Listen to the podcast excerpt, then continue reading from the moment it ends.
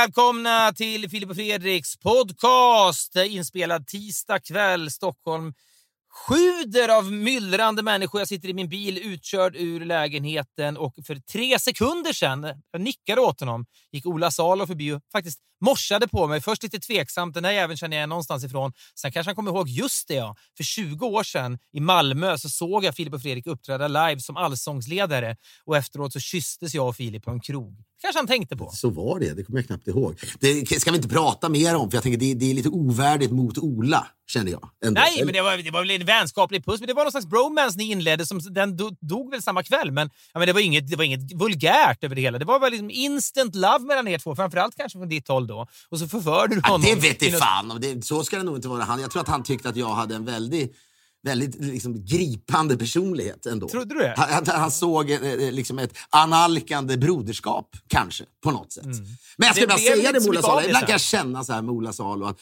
de var så jävla bra. Jag vet det där, och jag pratar om det många gånger, att när de lanserades i England så var de liksom cyniska, råbarkade, de här NMI-journalisterna, inte nådiga i sin kritik. För det var väl en tid då det här liksom flamboyanta inte riktigt gällde kanske. Det, var, det fanns ju något mer liksom otrevligt Men över det är så här, de, vi har pratat tidigare vi har pratat tidigare om när Thomas Di Leva försökte slå igenom i England. Och liksom, f- f- sko- men det är något annat Nej, men jag vet, ändå. men han försökte vara skojig och skicka runt en vattenkanna till olika journalister. Och de bara "Ah, hatar ju det. I Sverige var det lite oh, han skickar runt en vattenkanna. I England var det bara så här, "De- det här, han, den jäveln ska vi mörda. Jag läste någonstans att Per Gessle och, och Roxette försökte slå igenom då i England. De blev framförallt stora i USA med alla de här billboard men de blev absolut inte lika stora i det cyniska, iskalla engelska klimatet.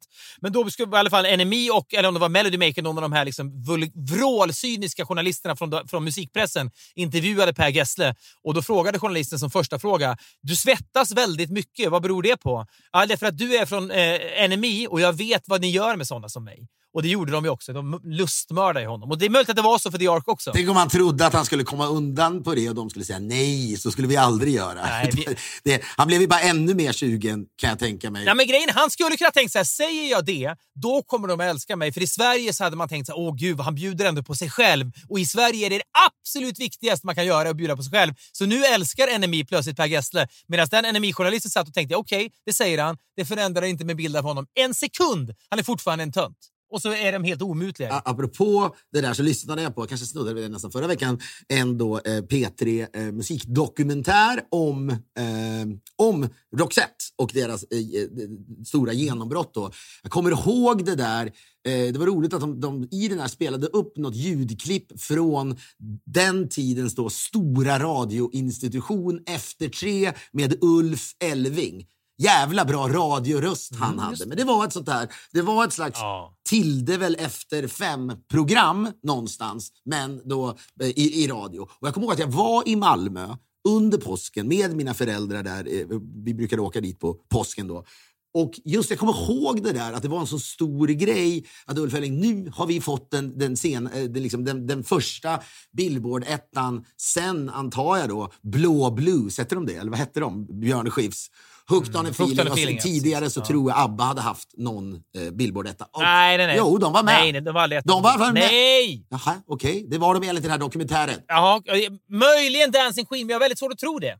Jag, de var inte så Nej, men det var de, för att de visade i ja, men så här, Det var klipp från när, de, när ABBA liksom gratulerade dem och att välkomna till klubben. Så då måste Dancing Queen ha varit detta. Men i det där så är det då det här vi känner väl alla till, att eh, eh, The Look blev då deras första etta. Sen så blev ju även It Must Have Been Love etta, som han hade skrivit liksom asfort Eh, som Ja. en jullåt till, till, till du vet, någon tysk skivbolag som inte ville ha det. Ja, men det och allt det där det är otroligt och Have Been Love är ju fan en dunderlåt.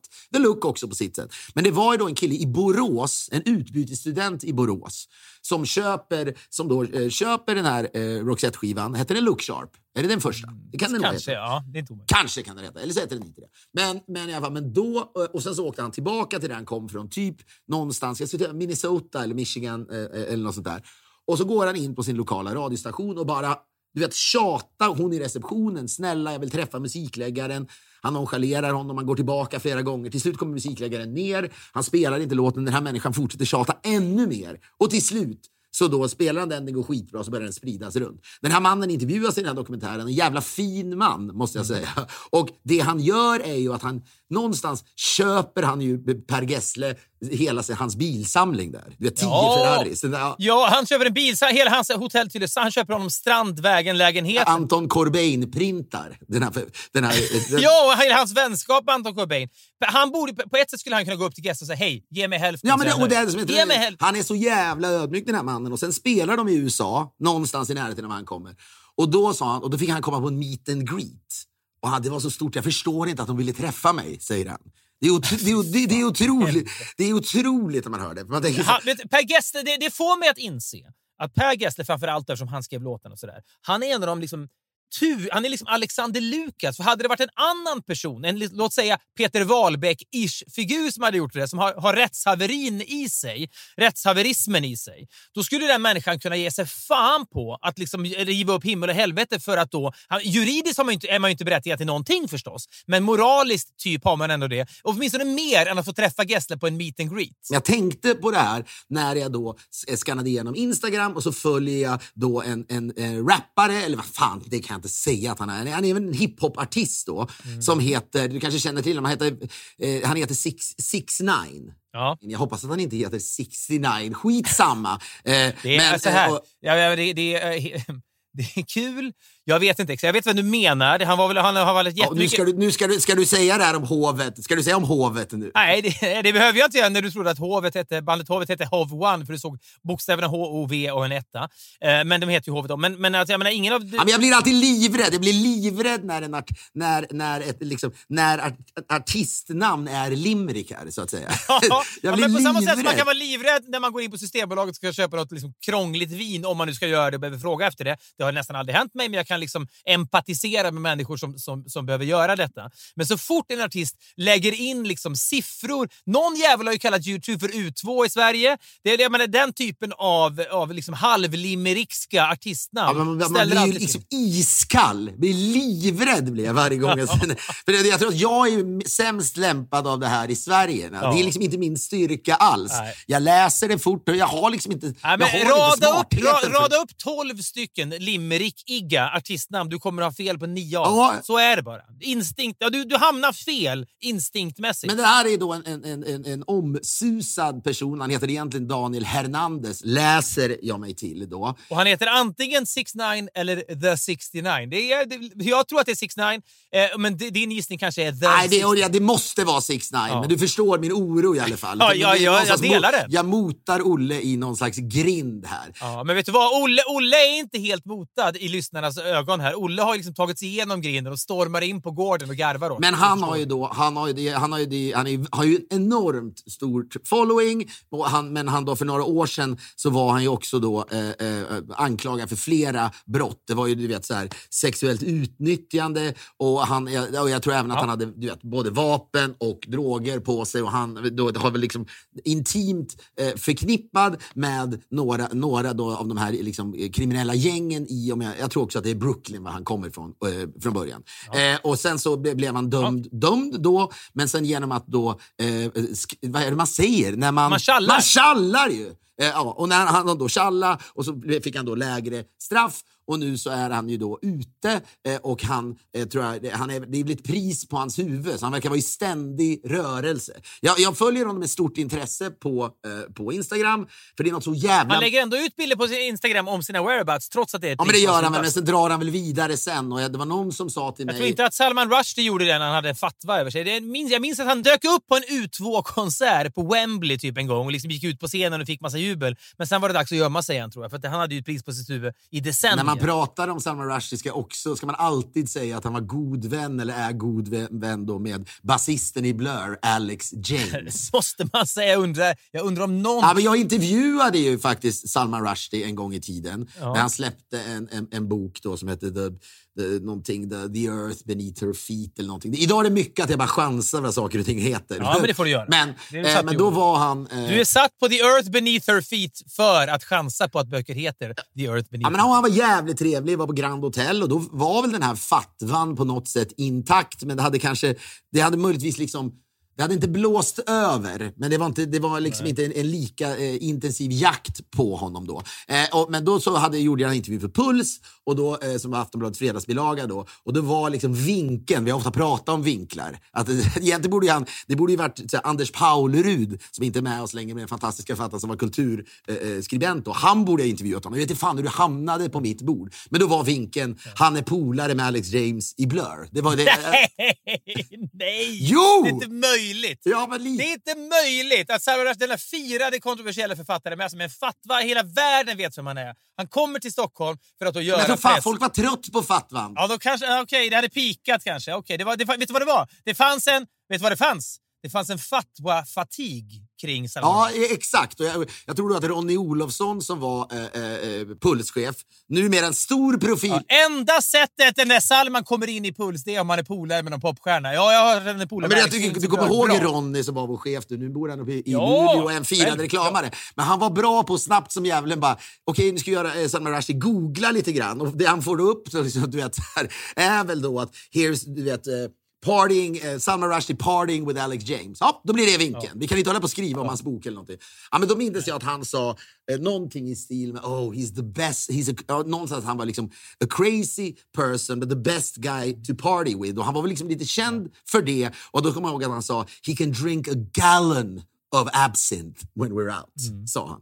Sen så blev Alex James nykter och startade någon slags honungsbusiness. Nej, ost. jag. Ost eh, odlar han eh, i, i The Cotswolds. Men jag tror också att han då släppte självbiografin Bit of a Blur, vilket är en väldigt bra titel när man har varit en del av Blur. Det är också dubbelbottnat för hela hans liv var ju som en dimma eftersom han festade så hårt. Jag kommer fan ihåg också, även när jag intervjuade honom, eller jag intervjuade inte honom, men Damon Albarn på Berns Hotel, när de släppte den här gospelplattan. Kommer du ihåg den? Ten, Tender hette den. Ja, ja, men låt, låten Tender. Ska vi avsluta med Tender? Den kanske? avslutar vi med. Jag såg faktiskt, för att eh, det har varit Coachella nu, eh, var Krunegård på Coachella? Det såg ut som att han var där. Ja, det, han var kort. Han var ju här. Han var hemma hos mig. Jävla trevligt Säkert. Ja, men jag såg, jag fyller Billie Eilish på Instagram. Billie Eilish, eller Damon Albarn från Blur just har ju varit kontroversiell för han har ju sagt liksom att det, Taylor Swift skriver inte sina egna låtar och då fick han en sån jävla hatstorm från hennes fans förstås för att de är ju väl, hon är ju extremt stark på sociala medier och sådär. Han sa ju däremot att Billie Eilish, she's the real deal och ja, men det är märkligt av honom att göra en distinktion mellan de två säkerligen. Men hon, Billie Eilish älskar ju honom så när de uppträdde på Coachella, det var jävligt rörande att se när hon liksom säger till Damon Albarn på scenen bara, vill du göra en sång till Damon? Och han bara yeah, yes please. Det, han är alltså så jävla liten ut trots att han är liksom, inte vet jag vad är han, 57? Men det kändes som att han liksom var nio år. Ja. Han får inte vara 57. Damon Albarn får inte vara 57 år. Det tar jag livet av. Han kan inte vara så gammal. Kolla hur gammal han är. Det var panik. Damon Albarn 57. Tänk om han är 57. Han är född 68, så han är 54 ändå. Vad han har precis fyllt 54. Ja, ja, men det är nära. det är ingenting. Nära 57. Men eh, då intervjuade jag honom och det var, jag tror att det var liksom the last walls lite för Blur. Och framför allt... Ja, de splittrade säkert. Och det var liksom the last walls för festande. För, he- men, och, och jag tror Damon Albarn festade inte lika mycket, men när jag satt och intervjuade Damon Albarn, då tittade, då kom liksom älgande fram i hotellkorridoren, så kom Alex James liksom, och så tittade han in och så kom han in och frågade Damon någonting. Och han var liksom helt svettig, han hade stora såna här, du vet, svettskivor under, under, uh, på t-shirten. Och han var inte svettig för att du var från NMI och Alex James vet vad NMI gör med sådana som honom, utan han var svettig av helt andra anledningar. Ja, men han, liksom, det var bara party för honom och det, ja, det var härligt. Men det här började med att jag pratade om 6 9 eftersom han har, har väl någon slags fatwa då på sig eh, från de, de här gängen. Men jag följer honom på Instagram för det är något så jävla mörkt över allt med honom. Men jag blir nu, har börjat bli gripen av honom. Och han, han, då åker, åker, han är, nu var han i Mexiko senast. Och det han gör är då att han, han tjänar ju uppenbarligen jävligt mycket pengar men det känns ju inte som att han har blykoll på sin ekonomi. Jag har ingen aning men det känns som att han, det, kalla mig fördomsfull. Men han har alltid jävligt mycket, han går runt med jävligt mycket cash. Och så, så lägger han ut någonting, då, då la han ut något häromdagen att här är 20 000 dollar som jag egentligen hade tänkt bränna på en strippklubb. Men istället ska jag lämna det till, eh, ge allt det här till människor som behöver det. Och så filmar de där och så går han bara fram till någon Det kvinna. var som, apropå det, det var som någon som sa att Elon Musk nu har köpt Twitter, för de pengarna han la för att köpa Twitter kunde han gett alla människor i USA en miljon dollar var och han hade fortfarande fått fyra miljarder dollar över. Det är någonting med det som är, så, är det, det är någonting som är otroligt. Jag vet inte varför jag tror så mycket på Elon Musk. Ibland känner jag att han, det är den människan på jorden jag tror har liksom störst möjligheter att rädda världen. Jag vet inte varför. Jag bara, det, det, Du har druckit Elon Cool-Aiden som man säger. Ja, men det har Ja, väl men du också gjort? Har du inte det? Jo, ja, men jag körde ju till och med Tesla länge. Liksom, så att, jag menar, det spelar säkert in att han... liksom- Ja, absolut. Det, det, det de säger om honom är att han, det unika med honom som miljardär, som de är ju alltid kontroversiella. Jag kan tänka mig att Warren Buffett och Bill Gates är populära framförallt bland vänstermänniskor kanske. Medan det finns andra, då, liksom Koch-bröderna och sådär, är bara populära liksom i, i högerkretsar för att de finansierar då massa republikanska presidentkandidater. Men Elon Musk är lika populär bland republikaner och demokrater. Sen är han Men det är ett bra, det är, det är ett bra bygge. Det är ett bra bygge, men det känns inte... Och det har han till och med sagt och antytt. Han köp, äh, köper inte, eller köpte inte Twitter som man förstår bara för att tjäna pengar. Så kanske det är. Men han någonstans säger här finns möjligheten att rädda världen. Twitter är misskött. Nu kan jag göra... Eh, jag tror bland annat att han kommer släppa fram jag tror han kommer släppa fram Trump igen på Twitter på något sätt. Ja, Och men ändå det, en- jag vet, jag, egentligen är jag liksom inte, inte så... Jag kanske borde vara det. Jag, jag gillar ju Twitter, jag använder det varje dag, men jag är inte så intresserad av vad han kommer att göra med det. Men det är Nej, okej, det men du får väl se. Kan Sen kanske han gör nej, men jag kan någonting. Nej, men jag kan inte riktigt förstå varför det är så jävla viktigt för honom bara. Nej, liksom, jag du förstår... Du jag är, förstår- du är en mycket intelligent människa, men han är så jävla mycket smartare än dig och mig. köper Så att han, jag tror ändå att du kommer bli golvad när du inser av att han, vad han gör. Nej, men jag kommer ihåg när du och jag, du och jag hörde att Aaron Sorkin höll på att skriva en film om Facebook. Det som sen blev då The Social Network. Och att du och jag garvade åt att nu har, nu har Aaron Sorkin äntligen tappat det. En film om en sajt! Ha, ha, ha! Alltså man är ju dum. Fem av fem. Filmen är fem av fem. Ja, men jag, säger att- jag menar, vi, vi, det är klart vi inte fattar sånt. Det är inte det vi är satta on the earth beneath her feet för att vara. Vi är denna vecka sponsrade av våra vänner, man kan säga våra gamla fina vänner på McCade Golf. Eh, det handlar ju då om golfkläder i fashionvärldens absoluta framkant. Inte för att det ser ut som en jävla runway show i Paris med, med, med jättemärkliga kreationer, men det är liksom det bästa man kan tänka sig när det handlar om då funktion och look. Det är så, mycket, så jävla mycket i golf som handlar liksom om ryggrad och självkänsla. Att veta att nu måste jag våga damma på här. Och alla såna grejer som hjälper till för att bygga upp den där atletiska hållningen man ska ha på första tee. Det tar man. McCade bidrar sannoliken till detta med de här underbara kläderna. Det var fint. Jag åkte ut och hämtade mina barn i, i stallet i eftermiddags. Jag ser då hur golfbanorna liksom börjar gröna till sig. Det såg helt halmigt ut för två veckor sedan. Det närmar sig nu. Det kommer att bli så jävla mysigt. Inom två veckor kanske man går sin första runda. Fint klädd, lagom stretch i byxorna, någon pikétröja från McCade. Underbart kommer detta att bli. Gå in på mccadegolf.se, M-A-C-A-D-E Golf. McCadeGolf.se, de heter McCade Golf på Instagram också. Med koden FF15 så får man 15% rabatt på en hel order. Vi säger stort tack till McCade. Vi är denna vecka sponsrade av MyHeritage som är det främsta släktforskningsföretaget i Europa där man kan då bygga släktträd och koppla ihop sig med släktingar, både hitta levande släkt då, men också forska i sin familj och släkt bakåt i generationer. Det finns över 16 miljoner historiska register på MyHeritage att forska i, så de har en enorm databas. Det här är ju kittlande. Eh, man vill ju gå bakåt och hitta då slående saker som gör att man tycker sig förstå Åh sig jävlar, jag var, alltså, jag var alltså släkt med Gustav II Adolf. Ja, vilket det är det där man, Ja, och det där är ju inte omöjligt. Nej, målbild. Genghis khan kanske? Man Kublai ska khan? fan spänna bågen bortom Gustav II Adolf. Det är jaha, min farfars farfars farfars farfars far var Napoleon. Även om nu Napoleon var en jävla loser på många sätt och vis. Men det, där, men det ligger ju sanning, det är någonting med det här. Att det, det finns väl tv-program som baseras på det här med släktforskning också.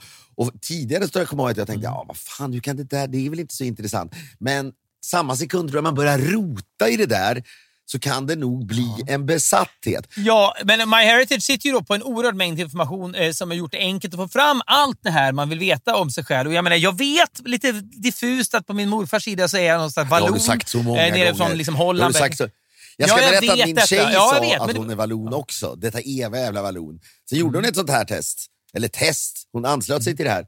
Då var hon inte vallon alls. Ja. Så det är mycket, det är mycket vallonsnack och lite verkstad. Det är råblond.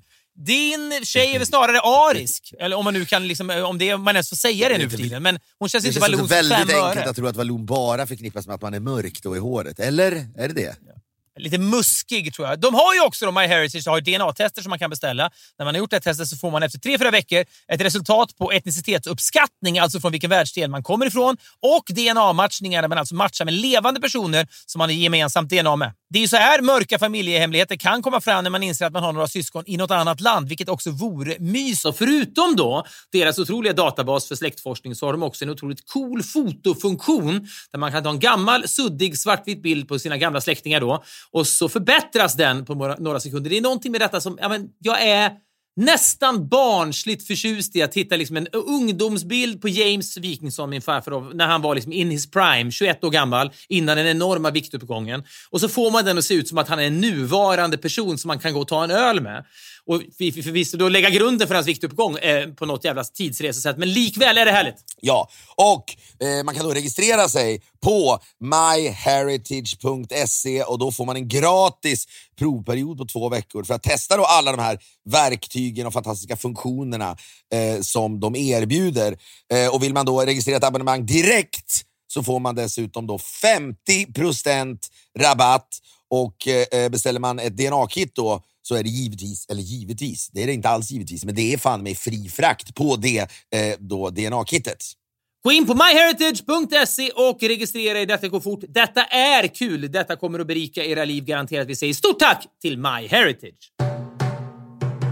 Ja, vi ska återkomma jag, eh, till Elon Musk när jag är klar med 6 9 Men det är någonting med hur han, han liksom är ett steg, ligger ett steg före vad gäller apokalypsen och vad som kommer, vad är det som kommer föregå apokalypsen? Vad är det som gör att jorden går under eller kan gå under? Eh, vi, vi kan komma till det sen. Men eh, då 6 9 och sen igår så hade han då tagit ut en miljon pesos som jag tror det är 50 000 dollar, alltså mexikanska pesos. Han åker runt på, på liksom landsbygden och så åker han till en familj som bor i ett skjul och så går han in där och han, du vet, han ser ut som han är, han ser ständigt hög ut. Han, vet, han har ett väldigt, väldigt säreget i, eh, utseende. Går in till den här familjen och så då är det, det är liksom en kvinna, barn och, det känns, eh, det känns, och en man och det känns även som det bor liksom mormor och morfar, alla bor där.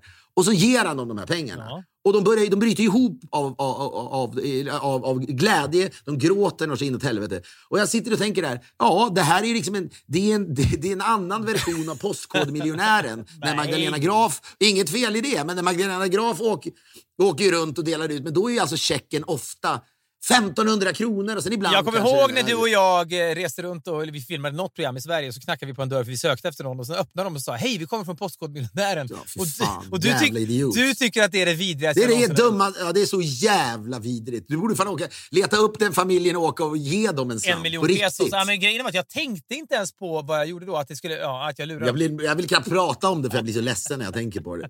Lite kul också, vad fan. De har gått vidare nu. Men hur kom du in? Du menar, du menar att Per Gessle borde på samma sätt åka till den här mannen då? Det är det, det, är det du tänker? Ja, men jag känner precis. Jag känner att vad fan, du kan ju, det är inte för sent att sätta dig på ett plan eller skicka någon annan. Skicka managern Marie Dimberg med en påse pengar. Han har råd med det. Och jag kan tycka Ja. att den här killen är så ödmjuk som man känner han, han, han tycker än idag, låter det inte som, att han ens borde ha någon pengar. Han fick träffa dem på en meet and greet. Och det, och det, det är o, o, ofattbart. Ja. Ja, men det är också någonting med... Menar, jag, jag, menar, jag har ju, gillar ju Gessle och liksom hans musik har jag ju liksom gillat mycket mer genom åren. Ja, men det gör jag med. Ja, men det är någonting med honom. Han, det, är någonting med honom. Det kan också mycket väl vara så att han i hemlighet har gett den här killen pengar. Vad vet jag? Men han är också mer benägen att säga ja, men jag gav honom en, en kopia av den här fotoboken från min senaste soloturné. Han skulle lika gärna kunna göra det. är Signerad. Och det kommer att vara värt någonting i framtiden. Alltså han, han är lite så aningslös känns det som. När han också är kapabel. Ja, men så, sen ska man, inte, man ska inte sätta sig, man ska inte sätta sig Nej. på för höga hästar. För det är också så. Det finns folk som har gjort saker för oss som kanske också förtjänar en slant. Men David Sundin lanserade Bra eller anus till oss när vi gjorde Öppna kanalen. Det tog vi med oss in i Chaparral. Vi borde ge honom en mille. det behöver, alltså han, det, han går det bra för. Jag skojar. Jag skojar för Ja, men du får passa dig. Rätt vad det är så kräver han oss på mille. Men ja, det är någonting, när jag såg det där, att det, så här, postkodmiljonären i nya kläder. Och då, det, Mm. här, det, det, det, det är ju väldigt fladdrigt när han åker runt. Han, bara, ja. han stannar bilen och så vidare och så ger han det här. Ja, men då I en viss värld så tror jag att det är folk... Ja, Men det, det, det du säger är att när 6 9 åker runt på den mexikanska landsbygden och delar ut pengar, då är det, då är det liksom inte så, så inslagsproddat. Det är ganska så... Det är Nej, nej, men det är ju, det är ju real. Det finns, han, jag tror han funderar inte heller på om de här människorna, i och med att han lägger upp det, han har liksom 22 miljoner följare, så sitter någon vet, skattemyndighet i Mexiko och åker rätt hem till den där familjen och säger vänta, 60 procent av de här pengarna är våra. Jag tror att det finns ju något slags ramverk. Han tänker ju inte oj, nu skapar jag en förmånsbeskattningssmäll för den här familjen. Den tanken når inte Det är liksom inte orealistiskt att det slutar med att den här familjen blir skyldiga pengar istället. De får flytta till ett mindre skjul på grund av det där. Ja, men- Kul uppföljning. Men jag tyckte ändå det var något, det är någonting där jag kände, nej jag blir gripen av det här. Det är bättre att han gör det här. Det är något väldigt vulgärt att han ger dem cash. För det är ju skillnaden. Magdalena Graf åker ju inte runt med liksom, en liksom, liten låda med cash. Utan då är det ju, du vet, det, det, är någon, det är någon check och så vidare. Men det, jag, Nej, men Magdalena Graf har väl också, hon skyddar sig, eller skyddar, men kontexten där är väl, det här är påsk, det här är liksom superuppstyrt och det är liksom staten inblandad och så vidare. Det här är ju helt random att han åker runt väl. 6 9 åker väl bara runt och kastar pengar omkring sig och det gör det ju nästan bara också för någonstans att skryta. Men han äger det väl då genom att säga Nej, ja, vadå? Han är själv säkert upp, han är ju liksom uppväxt i, i, i ganska, en ganska liksom fattig, ett fattigt hem, tror jag. Så att det är någonting att han vill ge tillbaka. Men man känner ju också naturligtvis, har har du ens de här pengarna? De här pengarna du ens ger eller de du ger till den här familjen, är de dina? Känner man ju. Men jag har ingen aning. Men jag tycker ändå att det, var- det behövdes nu. Nu har liksom Postkodmiljonärerna rullat så länge. Man älskar när de lyckas då. På samma sätt som när Bondfilmen kom, Casino Royale. Vi har pratat om Ja. det massvis av gånger. Han beställer då en, en, en, en, dry martini, shaken or stirred, säger de. Han säger I don't give a damn. Och det, är det, det, är den typen av, det är den typen av manöver som Ja. 6 9 har lyckats med. Men jag vet inte om han har tittat på Postkodmiljonären. Det, ja, men det, jag minns ju, det var, någon, det var någon myt att när Bob Dylan var i Sverige så liksom slog han på TV4 när han låg på hotellrummet och fick se något dansband som uppträdde typ på Lotta Ja, på just Liseberg. Och han blev liksom intrigued och ringde då. Var det Streeplers eller Ja, något sånt där? det ja, var men det, typ. Striplers. Eller om det, ja, jag tror det var Striplers, kanske. Som då fick ett samtal då till deras skivbolag som var att äh, Bob Dylan vill ha några eh, skivor ur er backkatalog. För han, liksom, ja, han kanske gillar något liksom, twangigt gitarrsound eller någonting. Så det kan ju hända liksom, att, att 6 9 har varit på någon turné, han har legat på hotellrum och sett liksom, Magdalena Graf gått runt och delat ut pengar. Och tänkt, det där kan jag implementera. Inte, det är inte helt sannolikt, för det är ganska universellt att bara ge bort pengar och rulla på det. Men det hade också varit kul om Rickard Sjöberg... Mötet mellan 6 9 och Rickard Sjöberg och Ja. Magdalena Graf. ja, ja, de skulle, jag tror de skulle springa därifrån av rädsla. Eh, men ja, det där du säger om Bob Bob Dylan är också intressant. Är det det, liksom, det tydligaste exemplet i världshistorien på att att liksom, när man inte förstår ett annat språk och konsumerar någon, det kan vara musik eller serier, så faller dimensioner bort. Ja, ja, men alla ni minns ju när, när filmen Snabba Cash kom och alla var så golvade av de serbokratiska eller serbiska vad det nu var skådespelarna. Helvete! Vilka fynd de här killarna, vad bra de är! Och kan det kanske bero på att vi inte förstår vad de säger? För, för eh, de svenska skådespelarna, Kinnaman och de här som pratar svenska, ja då kanske det är lite löket här och var. Men när man pratar på ett annat språk som man inte begriper någonting av, till skillnad från engelska eller kanske tyska eller något sånt där, då är det lättare att man då, dimensionerna faller bort och man kan då bli golvad. Vilket mycket väl kan vara fall med, fallet då med Dylan och Striplers. Att han hör någon twang, han hör... Inga dimensioner faller bort när 6 9 åker runt och delar ut cash i alla fall. Ja, det är dimensionsfritt på något sätt. Men du, jag ska bara, om vi återkommer snabbt till i- Elon Musk här nu. Och, och, eh, då, att det, det som jag har, jag vet inte, både blivit otroligt liksom rädd av som han har pratat om, men också på något sätt betryggad av. Han pratar ju då om att det här eh, eh, AI eller artificial intelligence, eh, artificial intelligence, va? Artificial intelligence, du är dum i huvudet. Nej, intelligence, intelligence, intelligence. Och så är det med mig idag. Vet du vad? Ah. Jag tänkte så här, är det över? Och i några sekunder tänkte jag, nu är det över. Sista sekunder. Ja, men så räddar du dig. Jag tänker, han är fortfarande med mig. Jag har ett år till med Filip Hammar. Han är Sveriges Bruce Willis nu. Nu är det officiellt. Afasi. Fy fan vad mörkt. Och jävlar Fa familj, familjen, Agnes lägger ett inlägg vet, på Instagram. Ja. Det är det det blir då. Ja. Vi i familjen, han ska Vill sluta nu med TV. Ja. och han, han Hur skulle han är upptäckte du det här? Ja, men. Philip skulle uttala intelligence på engelska. Han misslyckades fyra gånger och där tänkte nej, nu myggar vi av honom. Nu har han gjort sitt.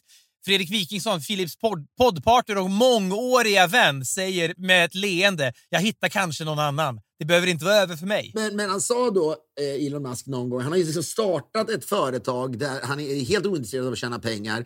Som sam- Ah, Du får, fan Ja, men- vad du köper. Du köper historieskrivning fan, på ett sätt... skit. Ja, men kan jag bara avsluta det? Jo, så, för det är någon... jag vet, men jag menar, du, jag menar, folk sitter ju ändå där på helspänn när man pratar om denna kontroversiella figur. Jag måste ju kunna, när du säger att han har startat ett företag som går ut på att inte tjäna pengar. Jag har inte ens berättat vad det är för företag. Nej, Jag hinner- jag vet, men du, du får ju passa dig. Ja, men så här är det. Att han har i alla fall startat ett företag. För I någon intervju sa han, herregud, folk tror att nä, nästa världskrig ska du vet, se ut ungefär som, som det vi kanske tror ska ske nu. Att, det, det, att det, ryssarna drar iväg någon eh, en atombomb eller liknande. ja. Men han menar ju det är robotarna som kommer döda oss. Att det, det börjar gå så långt så att det är robotarna som kommer döda oss och samtidigt som han då utvecklar massa jävla Vadå, robotar. Terminator, Terminator, Terminator 2-läge absolut. Han menar ja. att det, och sen är det säkert, jag antar att hans tankegångar och sättet han pratar om det här är betydligt mer komplicerat än att jag bara säger robotar. Ja, och att jag säger åh, Terminator, eller? Ja. Terminator.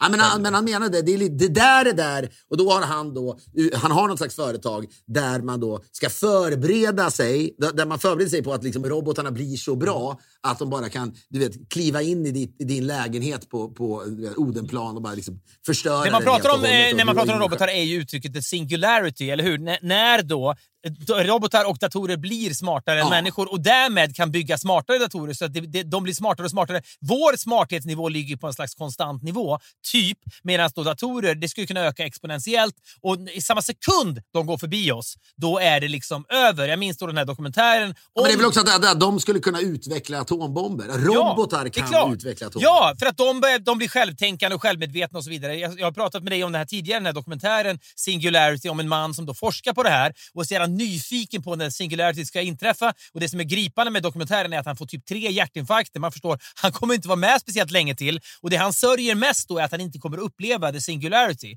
Och Då frågar de honom i slutet på filmen, och jag minns att jag såg den här filmen och tänkte att den här är väl 3 plus, men så i slutrepliken så drog han upp filmen till 4 plus bara genom en enda replik när han sa så här. People ask me, does God exist? And I always say, not yet.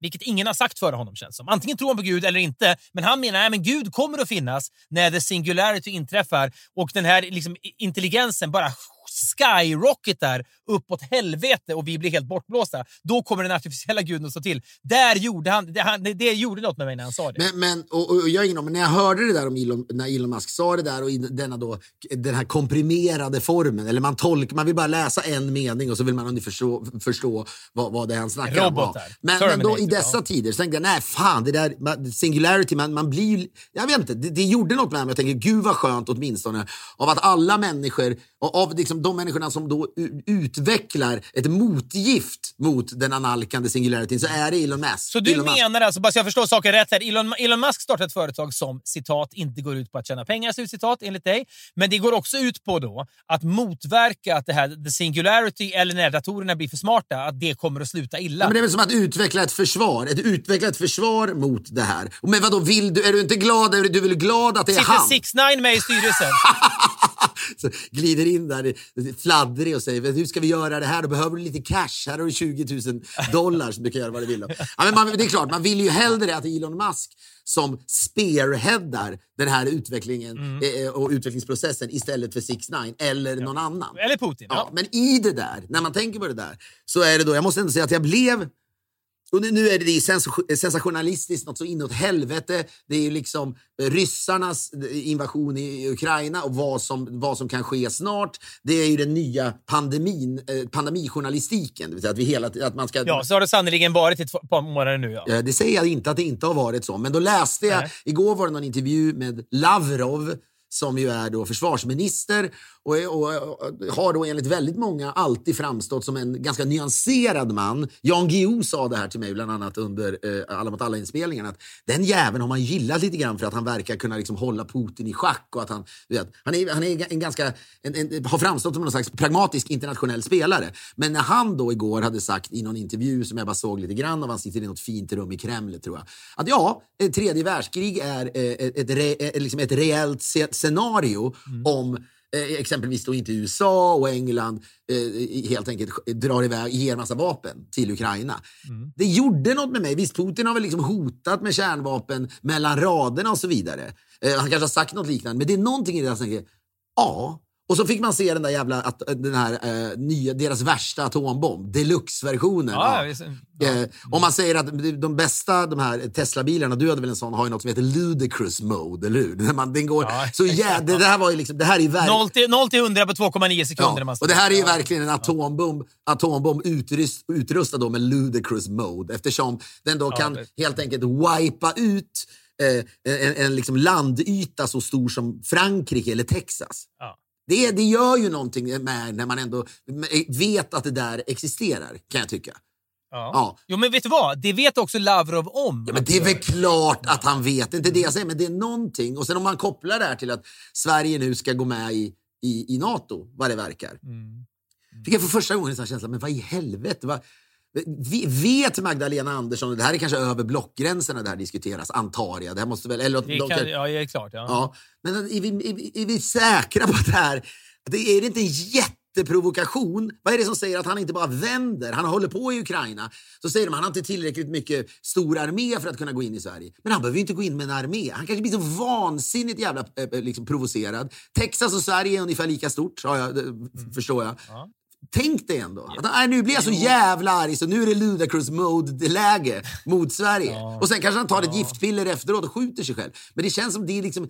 Har, eh, har vi tänkt ge, jag vet, Det är inte så att jag såg att Aftonbladets ledarsida, nu har vi ändrat eh, inställning, nu är vi för ett na- NATO-medlemskap. Och jag antar att det har kommit så mycket hot och de vet ju mer grejer än vad vi vet, där de har vägt, det de gör i väger för och emot. Men det är någonting ändå att svenskarna, liksom, det är lite leende på läpparna hela tiden nu bland alla experter som uttalar sig. Inte vi, inte. Det kan liksom inte hända, känner svenskarna. Jag, blev, jag vet inte. Nej. Har inte du känt det, eller har du bara paddlat vidare i livet i Stockholm och inte tänkt på det? Ja, men jag, vet du vad? Det finns kanske en beröringsskräck i det där också. Att man bara känner så här, om jag öppnar den där dörren Alltså när Edvard Blom sitter med gasmask så att säga då, i rädsla för pandemin. Och det, det, är liksom, det är samma, du kan ge dig fan på att han tycker vi ska gå med i NATO. Och jag säger inte att det, det är inget fel i det givetvis, men det, det, det är väldigt mycket... Här, det, ja, det förändrar ju ingenting vad jag tycker. Så att jag menar, om jag skulle börja fundera för Men mycket... du är ju så det, jävla rationell. Men det du menar att du vill inte öppna Ja, men dörren. vad, du känner väl mig? Ja, men jag, ja, jag, jag kan välja att tänka på annat. Äh, Än att inte sitta och vara Ja. livrädd. Det är en oerhörd styrka. Ja, men jag väljer nog det. Alltså det. Det är beröringsskräck det handlar om. Det där kan jag liksom inte börja sitta och ängslas kring. Då är, det, då är det enklare bara att liksom gå rakt in i sin, liksom, i sin buk och tänka vad är det som växer där inne tro? Och så kan man liksom, det finns ju något citat i någon gammal Woody Allen-film om det Manhattan eller någonting. När, när liksom, de- folk stirrar, de är i något planetarium tror jag, han och Diane Keaton, så sitter de uppe på stjärnorna och så liksom så här, gud universum är så stort och så där. Ja, men det där kan man inte tänka på. Anledningen till, tror jag att Woody Allen säger då, är att liksom anledningen till att vi, att vi uppfinner neuroser och sånt som vi liksom är liksom hypokondri och sånt vi är rädda för i vardagen, fobier, man är rädd för spindlar och sånt där. Det är för börjar man tänka på de riktigt stora sakerna, vad, vad är liksom existentiella frågor, stjärnor, rymden, universum och Satan 2, då är det väl bättre att internalisera och bara oroa sig för sin egen jävla hälsa. Jo, men det jo, men jag menar, att tänka på rymden är ju mycket mer... Det besvärliga i det är ju att det, det är så abstrakt. Och man, man, man- man, kan liksom inte för... Man vet inte vad oändlighet är. Tänker man för mycket på rymden och vad oändlighet är och vad, vad finns det vid universums slut och vad finns det bortom det och så vidare, då kan man väl bli ett nutcase. Och det är väl liksom så här, ja, det är so, so be it då. Jo, men det här är ju jättekonkret. Jag vet, men det, om, om, jag vet, men börjar man tänka på Satan 2 och vad som händer om den bomben släpps någonstans i norr om Hudiksvall och wipar hela Sverige och halva Norge, då tror jag man blir kanske lamslagen på ett annat sätt. Så jag menar, det ena är... Det ena Allt wipas ut utom Båstad, typ, eller Skåne. Du vet. Johan Renck och Jonas Åkerlund sitter och dricker sommardränkar Tore klarar klar, sig. Tore Kov klarar sig. Det är det vi har kvar. fan. Det är vi har kvar. Ja. Men jag- jag- Men jag- man, ser, man ser liksom ett mushroom cloud som, liksom, som har någon slags ja, men epicenter ovanför Hudiksvall. Så att det, det når hela vägen upp till S-range och Norrland. Och så träck, trycker sig den här tryckvågen hela vägen fram till Torekov där den bedarrar mirakulöst utanför Ja, liksom men de ser det liksom på håll. De ser det, de, de sitter med drinkarna. Ja, Titta, nu rör det sig hitåt. Hoppas det stannar. Jag tittar, det stannar ett par kilometer bort. Vad skönt. Gud vad skönt. Nu ska jag försöka att inte tänka på det här. Jag, må, jag måste försöka att inte tänka på vad som just har skett. Jag måste njuta av Ja. den här sommaren nu. Jag har ju jobbat så hårt Ja, och, den här, och, och inte bara sommaren, utan sommardrinken. Men, men, men och jag, vill säga, jag minns, någon, jag vet inte vilket program det var i, men Herman Lindqvist var gäst i några av, något av vårt program. Kan ha varit Boston Tea Ja, Party kanske, eller kan ha varit något Ja, annat? det är det nog. Ja, Ja, men när han, när han liksom, vi ställer frågan, kan det bli ett nytt världskrig eller någonting? Och vår inställning i den frågan är ungefär, vilken absurd tanke. Och han, jag menar, både du och jag blev lite besvärade av han sa, självklart kommer det bli det. Något i den stilen sa Ja, han. jo. Ja. Mm, ja, det gjorde han faktiskt. Ja, och den, så här, det är det jag, jag, då började jag tänka på honom. Och eh, herregud, du är en man som ständigt förfäktar att allting är cykliskt. Men det vill, vill man ju heller inte kanske tänka på när det handlar om såna här saker. Men det är någonting Nej. att jag tänker då, okej, sen så, man ska, de, dessa jävla paralleller till Hitler. Det är, liksom, det, det är också väldigt... Ja, gå, det- dit behöver vi inte gå. Men kan du känna en trygghet över att Elon finns? Men jag vet inte, men då vill jag hellre tänka, vänta, det där tredje världskriget som Lavrov pratar om, det kan inte ske.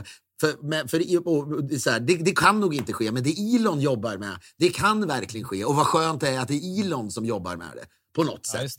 det. Det hade- varit härligare om Elon hade på något sätt varit inblandad även i att liksom mäkla med Putin kanske. Ja, eller att Elon hade gått ut nu, skrattat Lavrov rätt i ansiktet och sagt ni kan aldrig droppa Satan 2 för jag har kommit på ett system som gör att Satan 2 den är liksom sönderskjuten av en ny missil jag har utvecklat i liksom tre, 300 delar efter att den har lyft från den jävla rampen i, i, du vet, i, i Sibirien. Eller något. Nej, men det, det är liksom en, en rörande övertro eh, på Elon som jag, som jag älskar att du har. Men det kanske också är ångest. Kan man behöva en Elon? Man kanske behöver en Elon. Du men vet kanske du också vad? Andra Elon. människor går till religionen. Din Elon är naprapat-Jonas som du paddlar med. Nej, naprapat Gunnar. Naprapat Det är min Elon. Ja, men så länge han finns och sticker nålar i mitt knä så kommer allt att bli bra. Men, och just som sagt, jag, det, jag går inte och tänker på det här jämt. Det kan vara, men man, nu kan jag nog nämna Hitler, men man, den här liksom, naiviteten som ändå föregick hans hans eh, eh, åtminstone framfart, till, ja. Till en början liksom, framgångsrika framfart.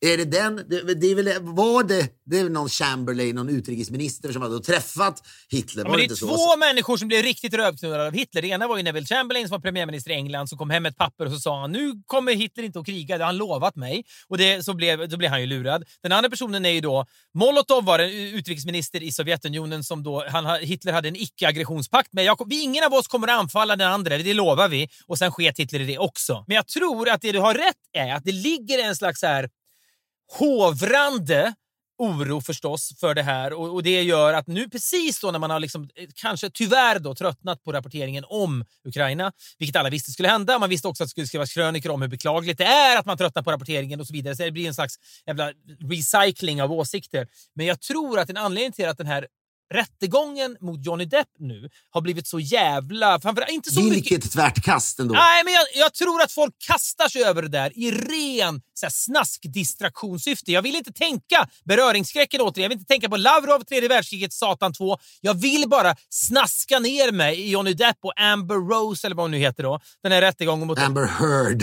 Amber Heard, precis. Ja, men för att, grejen är att jag tycker tidningarna skriver inte så mycket om det. Men om man går in på Youtube exempelvis och ska kolla, inte vet jag om man kollar golfklipp, padelklipp, Typ, vad fan, du vet gamla Beatles-klipp, vad jag nu kollar på. Det enda min algoritm föreslår då, det enda jag nås av, är ju då Best of Johnny Depp från den här rättegången. Och det är alltid miljontals visningar på ett dygn. Alltså det går så jävla fort. Folk klipper ihop när han liksom äger hennes advokat och han är liksom cool. De pratar om en mega pint med vin som han har druckit, vilket är ett härligt uttryck för övrigt. Det är någon jävla bild när han ligger med en smält glass över sig Ja. som inte är så jävla rolig. Nej, nej, nej. faktiskt. Och jag menar, det snackas om att han, han vittnar om att hon har skitit i deras gemensamma säng för att hämnas på honom på något sätt. För det gör ju han för att utmåla henne som en galning förstås. Det är klassisk så här, härskarteknik och liksom så här, en del av den här processen. Men det, det som är intressant tycker jag, dels att det får sån jävla spridning så fort. Och det tror jag har att göra med Ukraina. Att man är, att man är liksom, det där orkar jag inte längre, jag vill bara kasta mig in i den här skiten nu. Men det som är otroligt tycker jag i kommentarsfälten, jag trodde ändå att det var lite annorlunda. Men det är liksom, om det är 40 000 kommentarer under ett sånt där, all, du vet, ett vanligt sånt där klipp med det bästa av Johnny Depp. Det är liksom inte en människa som drar en lans för henne.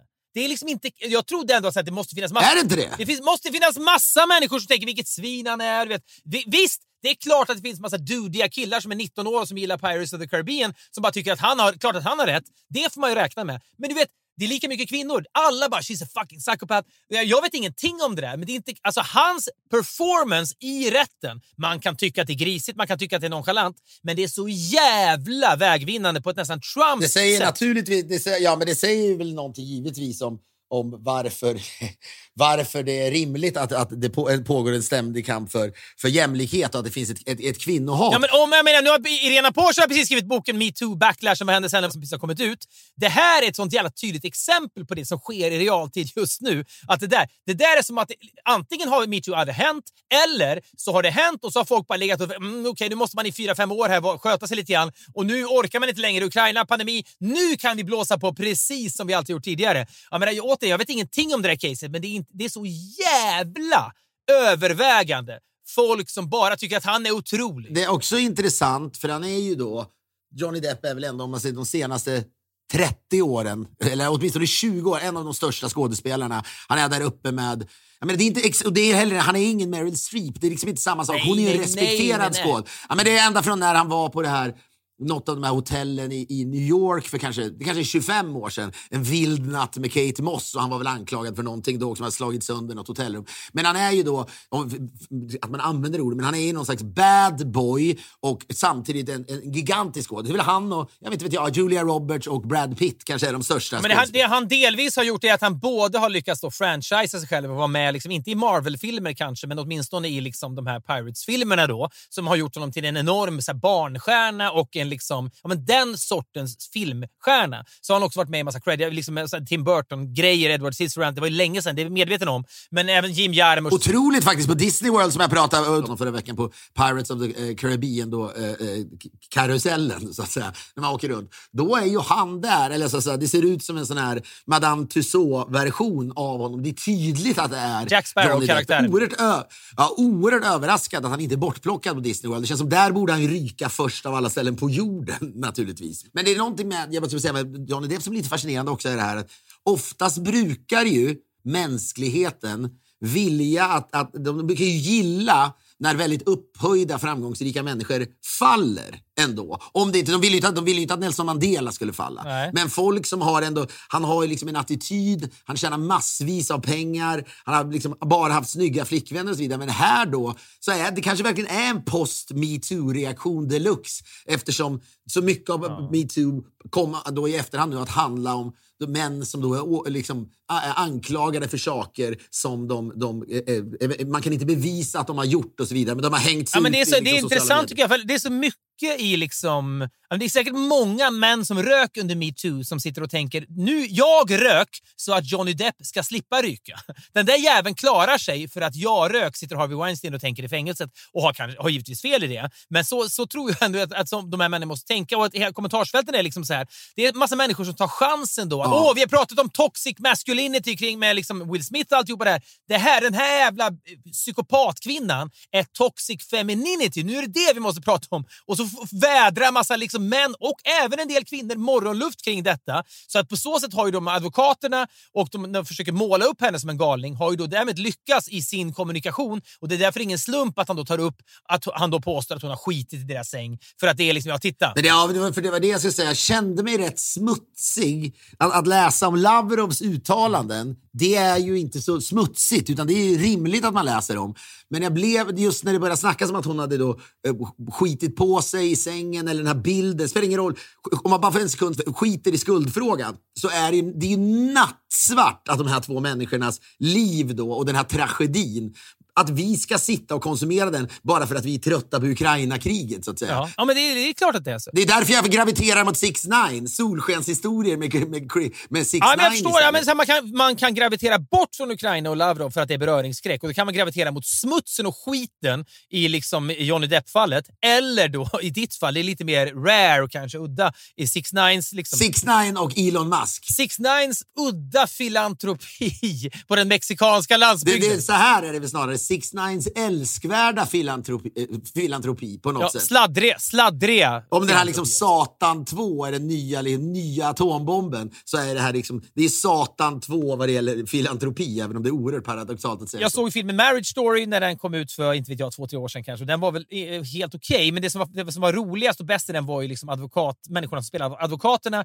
Och liksom, okej, nu blir det skilsmässa här. Nu är det, det enda chansen att vinna det här, det är ju att måla så, måla ut den andra som en psykopat, som en galning. Annars, jag menar, och de kommer göra det. Det, är, du vet, det finns ett slags, på samma sätt som det finns en slags liksom, arms race och en, och en liksom, upprustningshets mellan liksom, eh, eh, Ryssland och västmakterna. Och man liksom spelar, okej, hotar de bara nu eller kommer de verkligen att blåsa på? På samma sätt finns det ju mellan advokaterna i ett sånt här fall. Depps advokater å, å ena sidan och Amber Heard, heter hon det, på andra sidan. De säger så här, då, du vet, Ambers advokater säger ju till henne då, du vet, de kommer att kasta så mycket skit på dig. Det är lika bra vi blåser på med allt vi har. Och vice versa i det andra liksom, lägret, precis som i Marriage Story. Du vet vem som, pröj- vem som har gått ut och sagt att han pröjsar för hennes advokatkostnader? Elon Musk. Ja. Nej. Jo, Ja, ja. de har ju varit tillsammans. Så det finns en jätte liksom, cirkelslutning på det, på det här sättet. Och vet du vad? Det är typ dyrare än Twitter, de där advokaterna. Han lägger lika mycket pengar på det som på Twitter. Det är, Men hur mycket pengar har han? Liksom, är, är, är han mer reckless än, än 6 9 han bara skvätter pengar. Twitter, jag ska ha Amber Heards advokat. 6 9 framstår som en svensk revisor i jämförelse med Elon Musk. Jag hade järnkoll på sina kvitton. certi- certifierad revisor Ja. som jobbar liksom för, eh, kommun, för kom, kommuner runt om i Sverige. Men bara för att återvända till, om man då säger ja då har man konsumerat Johnny Depp och så vidare. Men det är någonting, när vi bara pratar om det där med Hitler, att det kanske finns, när du säger om att Molotov blev fuckad av honom och Chamberlain. Det är någonting nu, ja, att, att historien ska repetera sig själv och så vidare. När Lavrov sitter där och säger, ja, det är i och för sig motsatsen, för han säger ju inte, det blir inte ett krig. Eller det, det, det kan bli det. Det är som Bob sjunger “Sometimes Satan comes as a man of peace”. Det var ju det Hitler försökte framstå sig själv som. Ja, men jag har fredliga avsikter. Jag kommer inte vilja kriga mot dig, eller dig, eller någon. Och så blir det så i alla fall. Det här är ju inte jämförbart med det, för de har ju redan förklarat, eller krigar ju redan med Ukraina och hotar ju resten av världen med det här hela tiden. Ja, men samtidigt som de säger då att de här fredssamtalen ska fortsätta. Jag, det, men det jag vill säga är att den här ska... det Jag vet inte, Magdalena Andersson, hon har ju inte gått ut och sagt... Tvärt, jag alltså, det- litar på Lavrov. Nej. Nej, nej och framförallt är det väl inte det hon har sagt utan det är väl snarare så här. Det, det kan bli ett, liksom ett galet beslut, att det kan vara det sämsta beslutet i svensk historia och det är inte bara hon, av att då vi, vi går med i NATO. Ja, men det är spännande. Det är, det är spännande just med, med tycker jag, att, att det har varit folkomröstningar. Du vet, kärnkraftsomröstningen var så här, ska vi ha kärnkraft, ska vi inte ha det? Och sen kom sossarna på att vi ska ha en, en mittenlinje också som är vi ska av, avskaffa kärnkraften med förnuft och på sikt. Och då vann den förstås för det. Då, Mittenlinjen utvecklad av 6 9 den är balanserande man. ja, kalibrera perfekt. Ja, men på samma sätt, så här, det folk skulle vilja rösta på är så här, okej, NATO. Aldrig har väl vi varit mer känslostyrda än kring detta. Skulle det vara en Ja, folkomröstning? det är bra, Jag exakt man det jag tänker på. Känslostyrd är ju verkligen det rätta. Och Man, känslor... röstar, man är alltid mer känslostyrd än vad man tror. Man tror att man är en rationell varelse, men det, man tänker mycket mer, mycket mer med magen än med hjärnan. liksom, Än vad man vill tillstå. Men jag tror de flesta kan tillstå kring NATO, även om det finns många människor som älskar och stoltserar med sina pålästa, liksom, grundlagda värderingar och åsikter. Men det, det, det, är liksom, det är så mycket känslor i det så det är inte klokt. Så att jag menar, om det skulle komma en linje, ska vi gå med i NATO? Ska vi inte gå med i NATO? Och så kommer 6 9 och utvecklar en mittenlinje. Så här, vi ska gå med i NATO på sikt. Men det finns väl redan lite, jag såg att det finns väl redan, jag läste Anders Lindberg i, då, i Aftonbladets ledarsida, men han skrev men Sverige måste få vara med eh, och kunna ställa lite krav på det här. Ungefär som att, och det är klart att Sverige är en, en tillgång. Sverige ska praoa i NATO. Ja, men att så här, de ska inte få placera eh, viss typ av vapen i Sverige. Eh, då, utan vi ska vara med, men det, det, det som då kan göra lugna Lavrov och Putin är då, ja men det finns inga Satan 2 i Sverige. Men det känns bara som, det, det är väl ett jävla konstigt sätt att, så här, att ja, det är möjligt att det funkar, men det är märkligt, så här, vi ska vara med i NATO, men vi ska absolut inte ha, några, liksom, ha någon, någon arsenal i Sverige. Vi ska ha den så kallade kakan och vi ska också faktiskt äta den. Vi vill ha faktiskt både och här nu. Vi är denna vecka sponsrade av Just In Case, familjens plan B. Det handlar om livförsäkring. Det här är ett av dina mest självklara val du kan göra i livet. Vi har sagt det här förr. Vi säger det igen. Det är en no-brainer att teckna en livförsäkring på justincase.se ff. Det är något man kan då fira nästan när man har tecknat den. Det låter lite makabert kanske, men det ligger någonting i det. Det är ett val att vara stolt över, för man vet att oavsett vad som händer så kommer då familjens bostadssituation inte att förändras om något hemskt skulle hända. Ja, det är så där man, får, man, man måste se på det på det där sättet. Att det är en förlösande känsla att ha tagit tag i någonting som är då förknippat med na, na, naturligtvis mörker och så vidare. Men det man gör är ju att man säkrar upp för att de man älskar allra, allra mest ska ha, kunna hantera situationen då, om man nu försvinner. Vi försäkrar ju allt annat vi har, men det är nog många som förlitar sig på att det kommer att lösa sig ändå det här med så att livet och döden. Sanningen är ju att ingen kommer att lösa dina bostadslån åt dig. Just nu får man första månaden gratis om man registrerar sig på justincase.se ff. Och Det tar bara några få minuter. Du fyller in några snabba frågor om hälsan. Sen dras försäkringen på autogiro. Vi har sagt det förr, vi säger det igen. Detta är en no-brainer. Du gör det för din familjs trygghet. Gå in på justincase.se ff. Vi säger stort tack till Just In Case. Vi är denna vecka sponsrade av NetOnNet direkt från lagerhyllan. NetOnNet har ju all hemelektronik man behöver till lagerpris. Och när det mesta i livet då krånglar så ska det vara enkelt att handla hemelektronik och det är det med NetOnNet. Ja, och NetOnNet har ju då allt man behöver inför det så kallade vårfixet. Vintern är borta och nu är det grejer som man ska ladda upp med och grejer man ska givetvis fixa. Det här har inte riktigt med våren att göra, men jag har ju köpt en sån här robotdammsugare nu. Va? Jävlar vilken grej det ändå är. Det är, det är lite, Mysigt ju. Det är orgasmiskt att via sin då telefon dra igång den här dammsugaren och sen komma hem och liksom mötas av den som en jävla hund som bara står och säger nu har jag gjort mitt jobb. Så kliar man lite i robotdammsugaren och så tänker man tack gode gud för NetOnNet. Tänk att det finns Det finns ju även robotgräsklippare eller högtryckstvättare exempelvis. Då. Eller en grill. NetOnNet har allt. Just nu är det extra låga lagerpriser på sånt som kanske inte direkt är kopplat till våren, men som man alltid är på jakt efter då. Det kan vara laptops, telefoner, bävartljud, TV, köksprylar etc. Välj själv om du vill handla på nätet eller om du vill hämta dina prylar direkt så har NetOnNet 27 lagershoppar runt om i landet. Och Beställer du på nätet så väljer du fri frakt eller expressfrakt. Då kan du få det inom fyra timmar. Du kanske beställer grillen på förmiddagen till kvällens middagsgrillning. Kan det bli enklare? Gå in på netonnet.se. Vi säger stort tack till NetOnNet. Vi är denna vecka sponsrade av Lendo, Sveriges största jämförelsetjänst för privat och företagslån.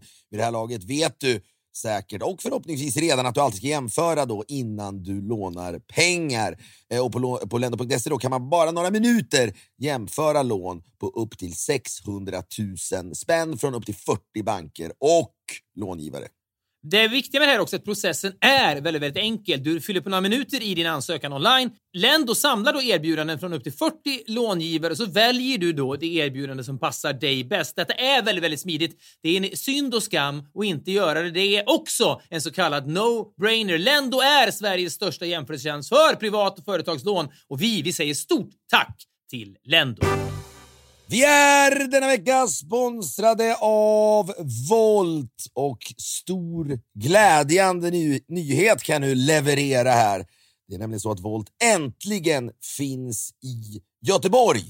Det är underbart. Detta älskade Göteborg som vi, vi har varit där mycket. Vi återkommer ständigt till Alla mot alla-redaktionen. Vi åker ju då två gånger per år till Göteborg för konferenser då. Där kommer vi ju använda Volt nästa gång. Och man kanske åker dit i sommar. Varför inte denna underbara sommarstad Göteborg? Då finns Volt där man kan beställa burgare, sushi, pasta, vad som helst då från restauranger eller beställa hem från matbutiker. Och just nu får du som ny kund 100 kronor rabatt på första köpet när du beställer hemleverans med koden Filip Fredrik. Ett ord, stora bokstäver, Filip Fredrik. Vi säger stort tack till älskade Volt. En man som f- fascinerar mig oerhört mycket är den här Alexander Stubb. Som var, Oj. han, är, han var premiärminister i Finland för några år sedan. Eh, oerhört, han, han ser ut som, när jag såg honom intervjuas på CNN så tänkte jag så här, gud, han ser ut som en triatlet. Och sen visade det sig att han är en triatlet också. Oerhört vältränad. Begåvad man, pratar bra engelska.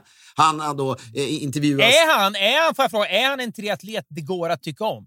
Ja, men jag tycker det, men samtidigt, han, han, han, Det är inte, för de är inte många. Ja, men han de är, en- inte många. Nej, det är de inte. Men han är, det är också besvärligt med Alexander Stubb. Jag har sett honom så många gånger och han ställer upp i alla möjliga sammanhang nu. Naturligtvis för att eh, det är inte lika lätt att få tag i den nuvarande hon Sandra Marin. Det är inte lika lätt att få henne. Men han sitter då och så intervjuas han i alla möjliga sammanhang. Jag tror han gillar att vara med och så förstår man att den här NATO-grejen i Finland är ju ännu... Ja, ett uppsving. Ja, men den är också jävligt... Ja, är de har väl en landgräns på liksom 100 mil eller mer eh, gentemot Ryssland. Så det är kanske ännu mer provocerande för Putin. Men man känner samtidigt att han har tänkt, men Sverige har man alltid kunnat lita på. Vad fan håller de på med i Sverige? Men den här Alexander Stubb när han blev int- intervjuad bland annat då om Satan 2, att den här, han hade testskjutit den. Då sitter han liksom och ler i tv och säger det så här, det är klassiskt Ryssland. Det är bara klassisk krigsretorik. Vi har sett det där förut. De säger det för att liksom hota oss, men sen som kommer, samtidigt som vill de, ska, ska liksom fredsförhandlingarna pågå. Det är ingen fara alls. Och då tänkte jag, han är fan, han är liksom Chamberlain, vår tids Chamberlain. Det här leendet Ja. som kommer när våra barn ska läsa historieböckerna. När, när liksom den sista svenska högstadiet i Torekov, när barnen sitter där och liksom lä, läser om, om att det fanns ett land Om landet de en gång levde i som nu är, ligger i ruiner och aska. Landet som nu är, eh, är liksom mindre än Vatikanstaten. Det heter Torekov, det lilla landet. Ja. Ja, det kommer vara en essentiell del av undervisningen. De här liksom screenshotsen på Alexander Stubbs leende. När han, när han, men jag vet inte, det känns som att han satsar allt. Liksom. Han, det här, ja, nu har jag rätt, nu kör jag. För det är väldigt kompatibelt med eh, CNNs så att säga, eh, nyhetsrapportering. Den här oerhörda självförtroendet som eh, Addison Cooper och alla har. Där de står. Och, alla de här experterna, alla de här amerikanska generalerna som jag också har lärt mig älska. För de är också lugna och säger, de älskar att säga det är, us, det är en usel armé, den ryska armén. De tror jag ju mer på. Men Alexander Stubb är ju ändå bara en, en gammal finsk premiärminister som har varit med i Iron Man. När han sitter och ler blir jag ju orolig. Det, ja, jag vet, men det känns som att du är lite mer ångestriden än, än vad du har varit på länge. Det får mig nästan att tro att du har liksom, are you off your meds eller något? Nej, nej, men så du hör ju att jag är ganska, jag är ganska, också ganska upbeat när jag pratar. Så det är inte det, men det är väl snarare att man, alltså jag vet inte, ibland kan man ändå, det kan ändå, man kan tänka på Va? Va? Sverige? Ska det nu bli... För det, det är så osannolikt för svenskar. Och vi har inte varit i krig på 200 år, eller nu är det väl mer än 200 år. Finnarna har ju varit i krig, de vet vad det är. Med en nation som slits sönder och barn som dör och så vidare. Sverige liksom, det är väldigt... Folk liksom leviterar ju fram med någon slags övertygelse om att men Sverige, här kommer allt bara rulla på som vanligt. Det är Kalle, Kalle Ankas julafton. Vi liksom. kan vara halv med i NATO. Ja, men så här, här paddlas det och Kalle Ankas julafton rullar på som den alltid har gjort. Ja. Men? Alexander Stubb han kan som sagt vara en del av läroplanen. Att han är känd för det, det där i högstadiet i Torekov där de sitter då och får läsa om landet som en gång fanns. Nä, nä, nära oss nu. Det kan nu jag ska, ja, lite kanske. Men jag vet inte, det, det, det är väl inte syftet med den här podden att du ska skriva... s- Syftet måste ju vara att du och jag pratar så att du mår lite bättre och att lyssnarna som har haft ångest för det här mår lite bättre. Du ska ju liksom inte föra över din ångest på lyssnarna nu så att de ska gå ur det här avsnittet där alldeles strax Blurs underbara låt Tender ska spelas. Du kan ju inte vilja att de ska lämna det här avsnittet och må sämre än vad de gjorde innan. Jag vill att du ger mig eh, naprapat-Gunnars kontaktuppgifter så att jag bara kan dra, liksom, dra, dra en zoom med honom och bli lugn. Ja. ja. Jag kan göra det. Jag ska säga till dig, jag är inte så jävla nojig. Det handlar också om innehåll och jag vill att du ska reagera på, på liksom korta ångestattacker jag har drabbats av. För samtidigt, det starkaste liksom, intrycket den här veckan, vad jag bär med mig, det är ju då eh, six, six, nej, det är Six Nines version av Postkodmiljonären och en känsla av att världen är i, i grunden god. Den är det. Vet du vad? Den är sladdrig och god och det är ingenting får dig att må bättre. Den är egentligen. sladdrig och god och man, man måste inte alltid ha liksom koll på vilka så, att säga, skatteskyldigheter folk som får cash har. Det får vi ta Verkligen. sen. Det får vi ta imorgon. Då är liksom 6 9 i ett annat land redan. Han har blåst vidare. Hörni, vi älskar att ha den här stunden med varandra. Vi mår bättre när vi har haft den och vi har haft den med er. Mail oss gärna till podcast.podff.com. Vi tycker så mycket om att höra av er. Vi slutar med gospel när den är som absolut vitast. En Alex James på ståbas med då svettringar under armarna. Damon Albarn har bara tre år innan han, till han fyller 57 nu. När han sjunger det här är han kanske bara 38, vad fan vet jag. Vi hörs igen om en vecka. Ha det bra. Hej!